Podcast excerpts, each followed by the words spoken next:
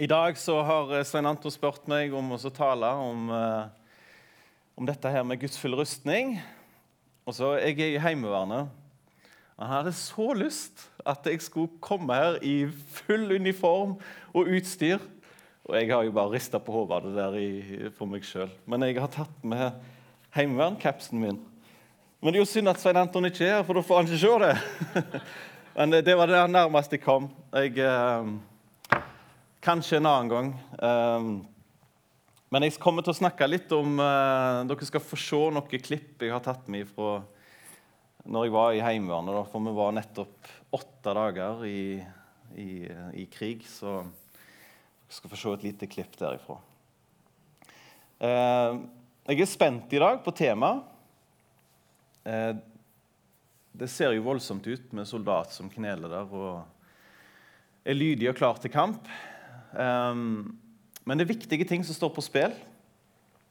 Jeg har innsett uh, når jeg leser i Bibelen om min vandring med Jesus, at det er et Nøden er for det første i mitt liv.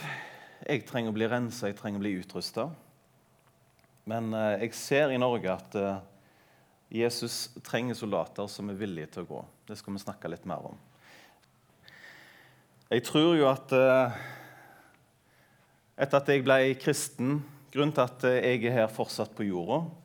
Det er ikke for at jeg skal få mest mulig ut av livet, men det er, det er fordi Jesus trenger meg. Jeg er her for en grunn. Og jeg kommer ikke til møtet for å først og fremst uh, ha det behagelig og tenke at nå skal jeg eh, Nå vil jeg nyte livet litt. Da kunne jeg like godt gått på en kino. Da kunne jeg gått i Kongeparken eller på restaurant hvis jeg bare ville nytte livet. Men jeg trenger å komme her fordi jeg trenger Jesus til å oppmuntre meg. Og jeg trenger dere til å oppmuntre meg, sånn som det står, å oppmuntre hverandre til kjærlighet og gode gjerninger. Og jeg trenger å komme her fordi det er åndelig krig. Um, og det handler ikke så mye om meg, det handler om Jesus. Det handler om å tjene han når vi kommer, kommer her. Jeg skal ikke snakke så mye om den teksten, Guds fulle rustning, i Efeserne kapittel 6. Men en av, det er en av mine favorittekster. Og En gang så leste jeg eh, den teksten og leste litt eh, ei bok om den eh, Guds fulle rustning. Og det var så bra, syns jeg, at jeg midt på Jeg har litt sånn, må gå ut av og til. for jeg måtte bare gå ut midt på natta og reflektere over Guds fulle rustning, for det var så bra.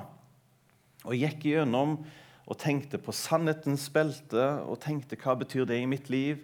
Jeg gikk og tenkte på rettferdighetens brynje. Og så kom jeg videre ned, helt til jeg kom til Det står om sko på beina, at de gode nyhetene fungerer som sko på beina. Altså Når evangeliet går opp for oss, så skjer det faktisk noe med hvor vi går og velger å prioritere. Vi har faktisk lyst til å gå med evangeliet når det går opp for oss. Midt på natta klokka ett, halv to så hørte jeg noe sånn piping. Da gikk jeg eh, opp på Sandve her i en eller annen svanevei. Så hørte jeg noe piping. så bare, Hva var det? Og så gikk jeg og lette etter den pipelyden. ble sterkere og sterkere. Så skjønte jeg jo at det, dette er jo en brannalarm som har gått. Så var det et sånn boligbygg med fire leiligheter i ett bygg. Så jeg ringte jo bare til brannvesenet og bare sånn, du, hva skal jeg gjøre? Alarmen går. Og Så gikk jeg rundt og så jeg, ups, der er det full røyk. Så jeg sa til brannvesenet dette er ikke falsk alarm, dere må komme nå. Eh, så klarte jeg å komme meg inn. Det var ei dør så åpen nå. Så var det jo en fyr som hadde drukket vel mye. Og så var det en Grandiosa som sto i ovnen. Og den hadde svidd seg og jeg gikk inn der og prøvde å få liv i han. Jeg måtte skrike til han det jeg kunne, og han øh, øh. Så sa jeg, 'Kom deg ut.' Og så klarte jeg å hive pizzaen ut. Og det så noe sånn som dette her ut. Her er pizzaen. Og det var tjukt med røyk inni den der Jeg måtte jo holde pusten for når jeg gikk inn. Og så kom brannvesenet etterpå med vifter og alt og fikk lufta ut. Så tenkte jeg på når jeg gikk hjem etterpå da, han, Det er jo ganske farlig, den der gassen der.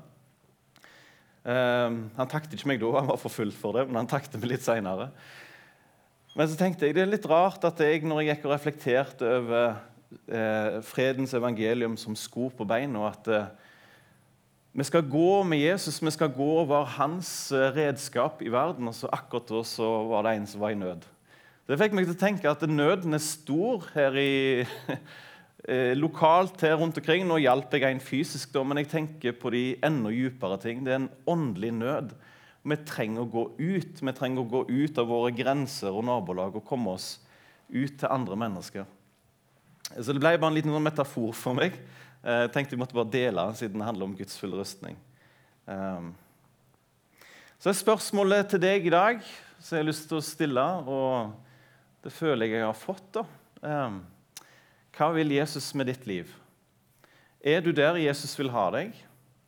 Eh, har du stilt spørsmålet 'Hva vil du med mitt liv, Jesus?'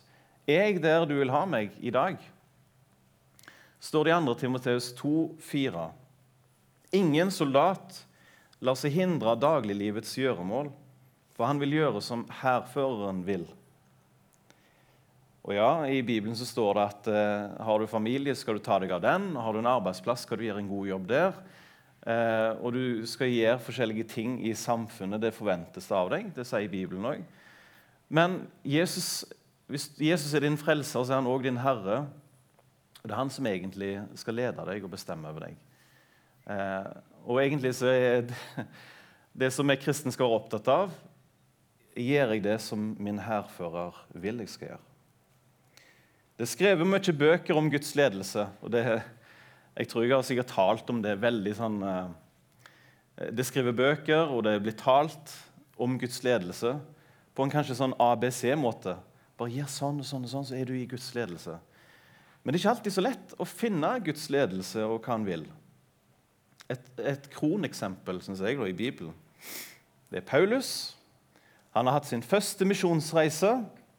Han har planta mange menigheter, ikke bare han, men i lag med da var det Barnabas han gikk med. Og så Nå skal de ut på ny reise. Han tok med seg Silas og han tok med seg en som Timoteus. Og Så reiste de. Og så sa han at eh, nå skal vi tilbake til de menighetene vi har planta, for å styrke dem, for å se til dem. Og Da reiste han jo i Tyrkia, eller Lille-Asia, som det heter der. Og så hadde han òg tenkt å reise til nye områder i dette området og kanskje plante nye forsamlinger. Så ser dere at han kom til den, der striplete eh, pila.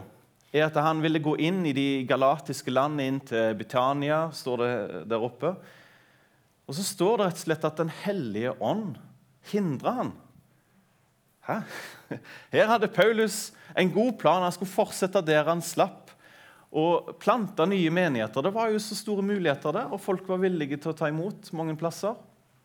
Han ville sikkert prøve å kristne hele, hele Lille-Asia. Han ville gå videre oppover. Men han ble stoppa der, og så prøvde han å gå til en ny plass. Så står det igjen at Den hellige ånd hindra han. Og så Til slutt så endte Paulus opp i byen Troas, som er liksom i grenselandet mot Makedonia, eller helt eh, Blir det vest? Ja, det blir vest i Troas. Tror jeg. um, og der tror jeg han bare venta. Og så tenkte jeg Paulus var teamleder og bare sånn Ja, bli med meg, nå skal vi ut på misjon. Nei, der fikk vi ikke gå. Og så gikk det en ny plass. Der fikk jeg ikke gå. Og Da skulle vi vært der og gitt han noen bøker om Guds ledelse, så kunne Paulus lært seg hva han skulle gjort. Men jeg syns det er bare så fint at uh, Paulus, som er den mannen som sikkert har hatt mest lys over alt det der med Guds ledelse, han opplevde å bli hindra og lurt på hva skal jeg gjøre nå. da? Til slutt så måtte han bare vente i Troas, og så står dette her. Da drog de gjennom Mysia og kom ned til Troas. Om natten hadde Paulus et syn. Han så en makedonier som sto og kalte på ham og ba. Kom over til Makedonia og hjelp oss. Da han hadde hatt dette synet, forsøkte vi straks å komme til Makedonia, og vi skjønte at Gud hadde kalt oss til å forkynne evangeliet der. Han kunne ikke gjøre noe annet enn å vente og på en måte ha en forventning til Gud at det er han som skal styre meg når alt kommer til alt. Og jeg er glad for at det skjedde, fordi det var første steget til at evangeliet nå kom seg over til Hellas, til Makedonia og til Europa. Og Seinere kom det òg til Skandinavia og Norge. Så Vi skal være så takknemlige for denne bibelhistorien. Det var første steg i vår retning at vi òg fikk høre om Jesus. Men eh, jeg bare viser dere at eh, jeg tror det handler om mye med å finne Guds vilje i ditt liv og vente på han. Bruke tid. Um, og dere får ingen ABC-formel av meg. Det, det, tror jeg vi skal være forsiktige med å gi. Men jeg tror ett steg i rett retning Hvis du er litt sånn på scratch nå og på en måte tenker at jeg har lyst til å være i Guds vilje, hva er lurt å gjøre til å begynne med? Jeg kan si en liten ting. Og det er at Jeg tror ikke det er feil å se hva gave Gud har gitt deg. For hvis du er hvis du på en måte er veldig tørst på bibellesing, bibelkunnskap og, og, og sånne ting, så det, det, er rart hvis du er veldig god på kunnskap, og så skal Gud sette deg over til barmhjertighet og stå og, og hjelpe folk eh, rent fysisk skulle jeg si, med såpe, hvis du ikke kan det. Men du brenner for bibelkunnskap.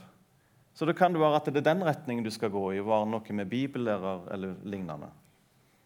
Så det er en som har sagt det, Øyvind Andersen har sagt. Ser du en tjeneste eller en oppgave og får samtidig innsikt i hvordan du skal utføre den, og kraft til å gjennomføre den, ja, da er dette en nådegaveutrustning til deg. Så Det handler litt om at du ser en mulighet, og du tenker jeg vet, dette har jeg lyst til å gjøre, dette, dette ser jeg faktisk hvordan jeg kan gjøre òg. Og du kjenner at det er givende. dette her, dette får du, Det tapper deg ikke for energi, men du faktisk får energi for å gå inn i dette her, så er det en pekepinn at ja, muligens du er på rett spor. Hvis du holder på med en ting, og du over tid kjenner at det tapper deg, det, det, det, det stresser deg, sånn og sånn, ja, men da har du prøvd det. Da Da kan det være at det er en annen tjeneste du skal ha for Jesus. Og så vet jeg òg en, en, annen ting er dette med overgivelse. Eh, du må være villig til å gi opp noen ting i livet. Skal, hvis han skal lede deg, så kan det være at du må forsake noen ting. Jeg har ofte hatt eh, Jeg skulle egentlig holde på med en bedrift hjemme med skinn og, skinn og sånne ting. Men alle vet at skinnet bedrar, så Det var dårlig. Eh, men det var ikke skinn jeg skulle holde på med. Og det var veldig tydelig for meg at alle mine planer og sånne ting Nei, Gud utfordrer meg på at du har ikke spurt meg om, om dette er det du skal gjøre. Og jeg la det vekk på hylla og sa til min bestefar som hadde så lyst til skulle overta en avdeling på garveriet, da, eller Granberg garveri. Så sa jeg du, jeg tror Gud vil noe annet med meg nå, så vi får se seinere. Det ble ikke noe seinere. Ikke ennå, iallfall. Så overgivelse. Um, og så òg en ting Selv om du kanskje har funnet rett spor, at ja, jeg skal holde på med det, så står det i Jakob 4, 15, så står det at uh, du skal spørre Og i dag, om Herren vil, så skal vi gjøre sånn eller sånn. Det er en veldig god ting å ta med i livet er å alltid spørre ja, om Herren vil, så skal jeg gjøre dette.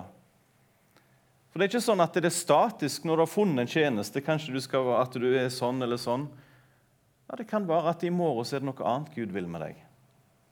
Det syns jeg er veldig spennende òg samtidig. Jeg skal gi dere en, eh, en, personlig erfaring som jeg hadde.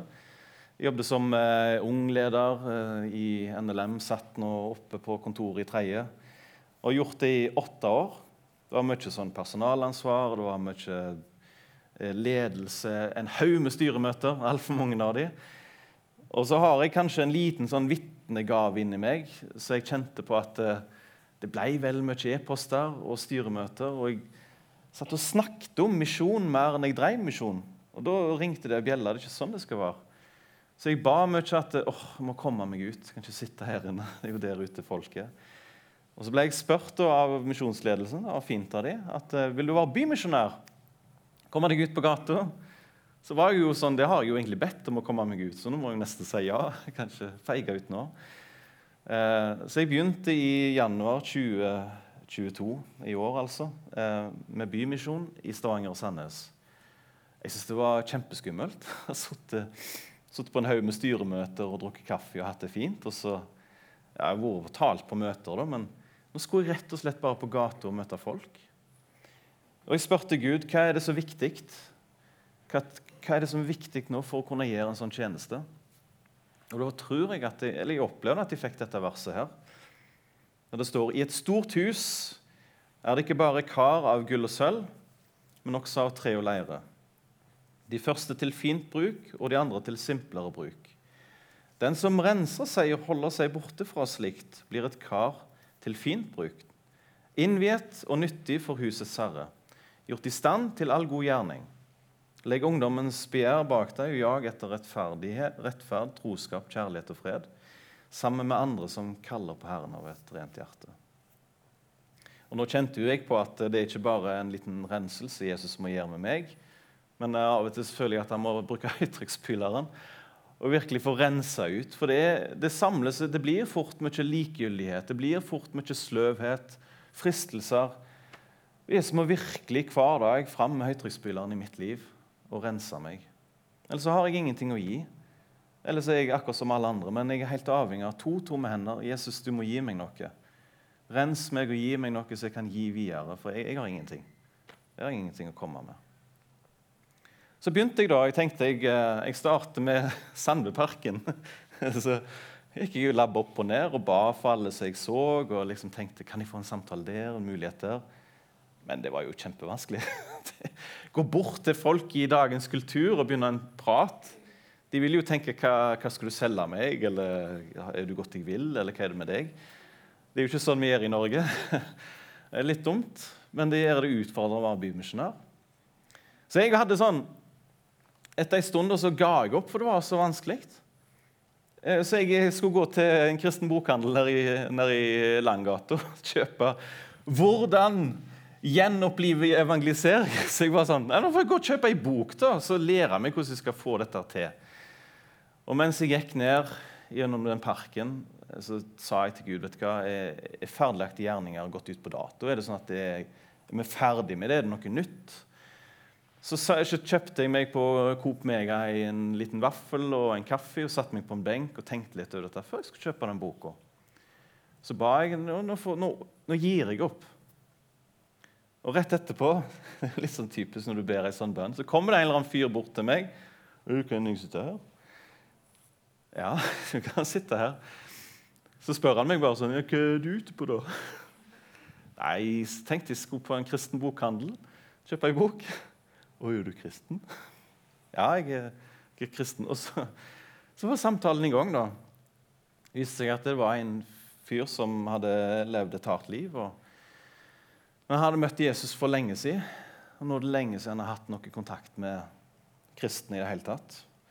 Så Vi hadde en prat, og det endte med at jeg litt senere, noen dager senere ble med besøk til han, Han fikk en bibel, og vi har fått kontakt. Og så var det liksom sånn, akkurat som Gud lærte meg at, Arnt Magne, bare av din egen kraft, av ditt eget vilje, bare legg ned alt i sammen.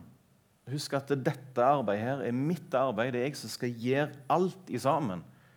Men vær skikkelig avhengig av meg. Ikke bare litt sånn på liksom, men virkelig Jesus. Du må styre dette her nå. Hvem skal jeg snakke med? Hvordan skal jeg gjøre det? Og når jeg først snakker med dem, så må jo Jesus svare med der òg. Ehm, det er ikke hver dag jeg opplever det der, men det ble en, en lærdom for meg at Jesus er med. Og han kan faktisk, De ferdiglagte gjerningene er ikke gått ut på dato. De er der. Men med litt visdom og litt eh, råd så fant jeg ut at eh, hvorfor labbe rundt? Jeg gjorde det kanskje litt vanskelig for meg sjøl. jeg fant ut at det finnes jo mange muligheter for evangelisering i dag. Jeg må ikke tråkke rundt i Sandveparken, som er kanskje den vanskeligste plassen. Folk er jo ikke der for å finne venner alltid. De trimmer og går og skal noe. Mens NLM har leid gamle NSB jeg husker ikke hva det heter nå, men de har leid venterommet, togventerommet på Ruten. Og innreda det, gjort det fint med kors og alt mulig. Så der står jeg på torsdager fra ti til ett og deler ut kaffe, deler ut traktat, spør om folk vil ha en prat. Av og til så er det kjempemasse folk som vil snakke, av og til så er det ingen. Men der er det en ferdig trakket sti. Bare til å møte opp der. Og så har vi gjenbruksbutikker òg, som vi har fått flere av. Jeg sitter i Stavanger én eh, til to dager i uka. Før så grua jeg meg sånn. Jeg syntes det var kleint å sitte der. Skal jeg bare gi dem en vaffel? Er det sånn jeg skal gjøre? Skal jeg si hei? Skal jeg si hallo? Så det var, var sånn på elementært som det der. Men jeg, var, jeg grua meg. Men med bønn og litt tålmodighet og prøve og feile, så er dette blitt noe jeg gleder meg til. Jeg er sånn, oh, jeg håper det blir torsdag snart, for da kan jeg gå ned på Ruten. Eller fredag, for da kan jeg gå til gjenbruken. Og så er min erfaring at det mangler folk både her og der. Så hvis du har lyst til å teste ut dette med vitnetjenesteevangelisering, så bli med meg på, på, torsdag.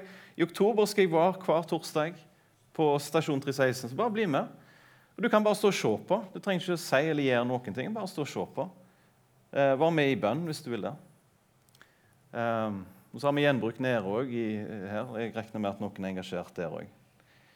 Men det er mange muligheter, og leir òg er en ting. Trenger ikke gå i Sandbuparken plent, men det er masse rike muligheter. Det er ikke det det står på. Men det mangler ofte folk, så vi må be om at flere vil virkelig legge ned sitt eget og bare gå inn i tjeneste. Selv om det koster. Jeg vil bare oppsummere foreløpig. Ehm, det er ikke tull at eh, når det står at all nådes Gud som ved Kristus har kalt dere til sin evige herlighet, han skal utruste dere og gi dere kraft og styrke dere og stille dere på fast grunn. Og det andre, dere skal vokse i nåden og kjennskap til vår Herre og Frelser Jesus Kristus. Ham være ære nå og til evighetens dag. Amen. Så det er et fint bilde når Jesus, eh, det henter henta fra Jesus når han er på stranda og venter på disiplene sine. Han skal ha en prat med. Han må bl.a. snakke ut med Peter, som har feila og synda skikkelig. Svikta Jesus tre ganger, eh, fornekta han. Det er viktig at vi får snakket ut med Jesus om alle ting. Um, og Når vi vokser i kjennskap til Herren, så vil vi òg vokse i utrustning. Uh, og det er Menneskefrykten avtar, og vi våger å gjøre ting vi ellers ikke turte før.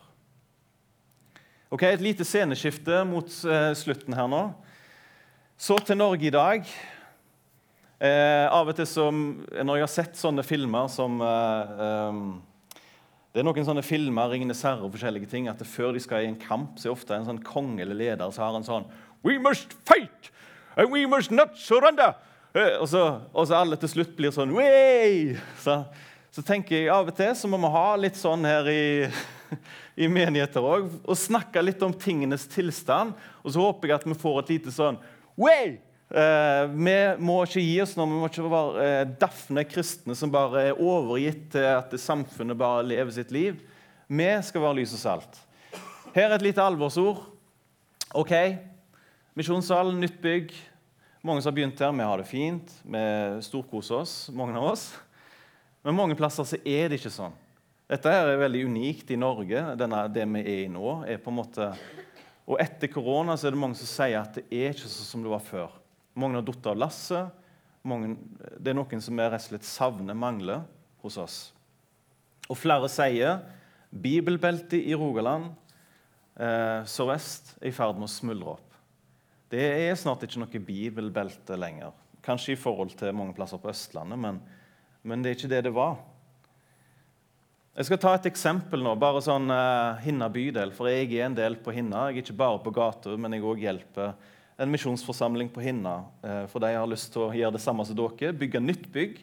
Det er jo kjekt at de, de er en eldre forsamling, begynner å bli, men uh, de har visjoner. De ønsker å lage et sånn lignende bygg som det her, mindre skala, da, men til neste generasjon. Og så har jeg vært med litt der da, og, og snakker med dem, prøver å oppmuntre dem, tale der litt osv. Og, så videre, og, så har jeg sett en undersøkelse om Hinna. Og Jeg tar fram den undersøkelsen, for jeg tror den gjelder for mange andre plasser òg. Hinna er en helt vanlig bydel eh, i Stavanger. Og så er det 23 000 som bor der. Det er større enn Kongsberg by. Eh, og så har de tatt 1000 deltakere og spurt dem om livet på Hinna. Bare legg merke til eh, Det er jo liten skrift, og sånne ting, men de spør de om hva de, de ønsker. Hva ønsker dere som er på Hinna? de snakker om. Vi må ha flere puber, vi må ha billige restauranter, vi må ha kafé, utservering. Og badeanlegg det er kjempeviktig for deg på Hinna. De må ut og bade. Um, det er ingen som sier at de ønsker et bedre kristent tilbud. Det er ingen der som av de alle som har blitt spurt, som har nevnt noe om at uh, det er fint med et kristent kor her. eller et eller annet. Ingen snakker om det. Og så er det mange som vil ha et nytt møtested. da. Så har de spurt ja, hva slags møtested vil dere ha. Ja, Da er det bibliotek og svømmehall. Det hadde vært kjekt. En kajakklubb. Oh, det hadde vært koselig. En ballbinge, bydelspub og en kiosk. Men det er ingen her som nevner noe om religiøst. Vi vil ha noe mer, og det er ganske mange som har blitt spurt. Og det overrasket meg at eh, det overrasket meg at Stavanger, som er en gammel misjonsby som er liksom sånn, eh, Det var liksom den misjonsbyen der de først sendte ut misjonærer og greier. Eh, det er ingen som setter ord på at vi ønsker mer. Eh, det er tre forsamlinger der i dag. Den norske kirke, NLM, og så en til som heter Betlehem. Jeg husker ikke helt hva grein de er, men, men alle tre eh, trenger hjelp. Alle tre har litt nedadgående kurve. Og jeg er jo sånn, Når jeg ser det, en bydel på 23 000 Jeg vet om tre aktive menigheter der nå som alle trenger hjelp. Og en hel flokk som bor der, og som stikkprøven sier vi har det fint, vi vil ha en pub, vi vil ha badebasseng. Men ingen snakker om Gud og at de ønsker møteplass for Gud. Da er jeg litt sånn Skulle vi dratt i nødbremsen? Det er Sånn som det er på Hinna, er det mange andre plasser, og kanskje enda verre også, noen plasser. Så sånn, Hvis vi noen gang skulle dratt i nødbremsen, så føler jeg det nå. Eh, for hvis vi reiser til Romerike, til, ikke til gamle Romerike, men til Østlandet, så har jeg hørt at der er det, der er det jo ingenting, nesten. Og så var jeg på Bjoa for noen uker siden. Det var et sånn spontant møte som de klarte å arrangere. Det var ingen som sto bak, det var bare en gjeng som rasket sammen. Og så var det en taler fra Bergen, en som hadde vært, han hadde vært en gangster der. da. Og så hadde han blitt frelst og gikk og vitna litt om det som hadde skjedd. Så var det 50 personer som var samla fra hele distriktet. Ølensvåg, Bjoa, Etne, Sandøy, Haugesund rundt omkring. Og Så kom det et profetisk ord der. Eh, det var tungetaler, så ble tungetalen tyda. Så kom dette her veldig sterkt fram, som det står her.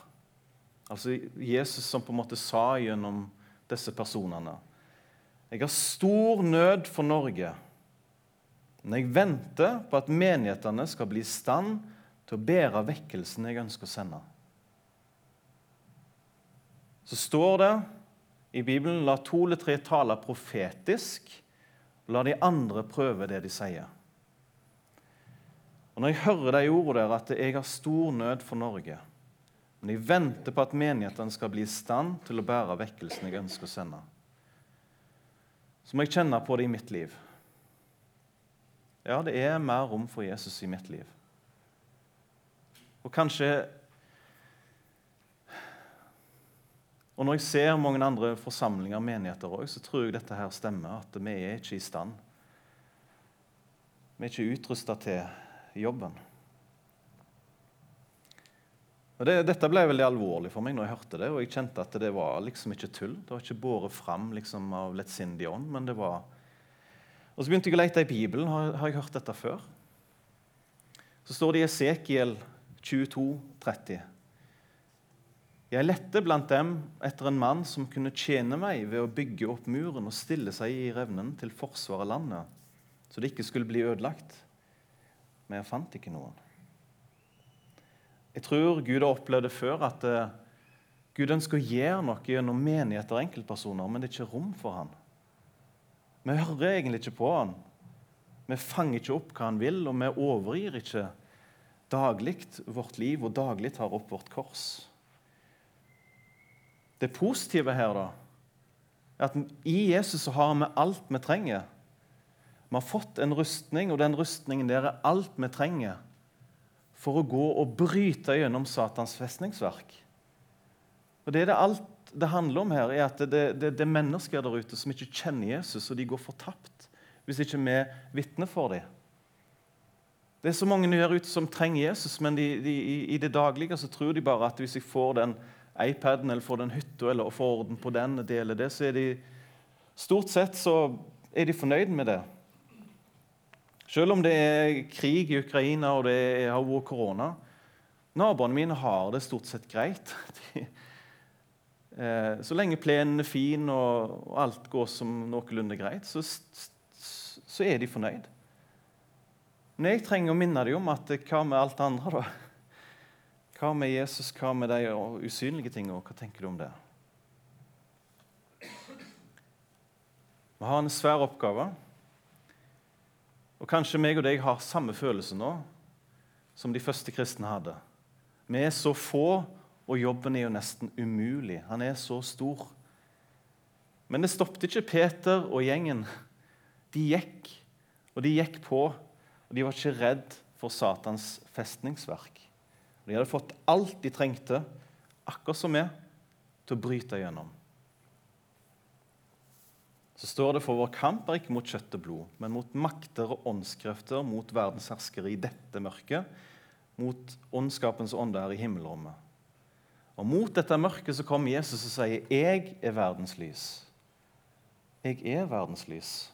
Og det er han vi skal bringe fram.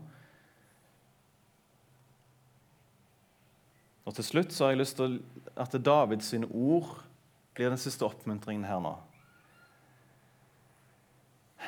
Ja, du er mitt lys, Herre. Herren lyser opp i mitt mørke. Med deg kan jeg storme mot en krigerflokk. Med Guds hjelp kan jeg springe over murer. Guds vei er fullkommen. Herrens ord er rent. Han er et skjold for alle som tar sin tilflukt i ham. Og Jeg har tenkt veldig mye til dette møtet her, at jeg skal si til dere Guds lys. Guds lys. La det skinne i ditt hjerte. La, la, la Jesus få rom i deg. La han få ta fram sine høytrykksspyler og renske ut. Og la han virkelig få tilgi deg og rense deg.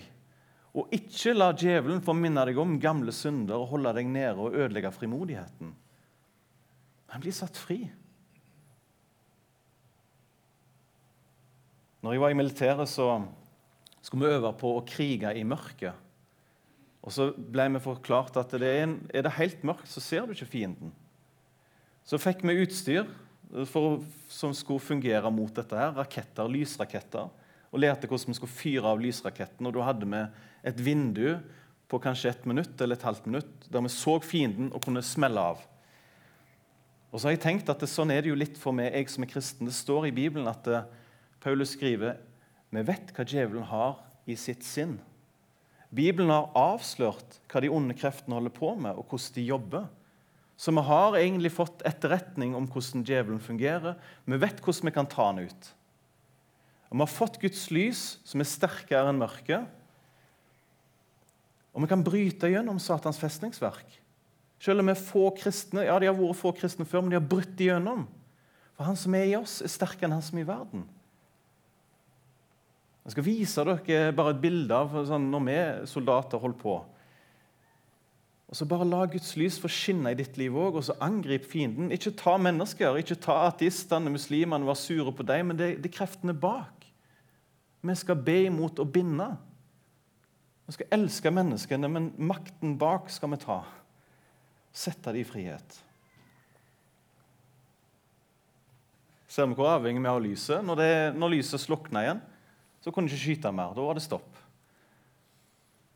Igjen du er mitt lys, Herre.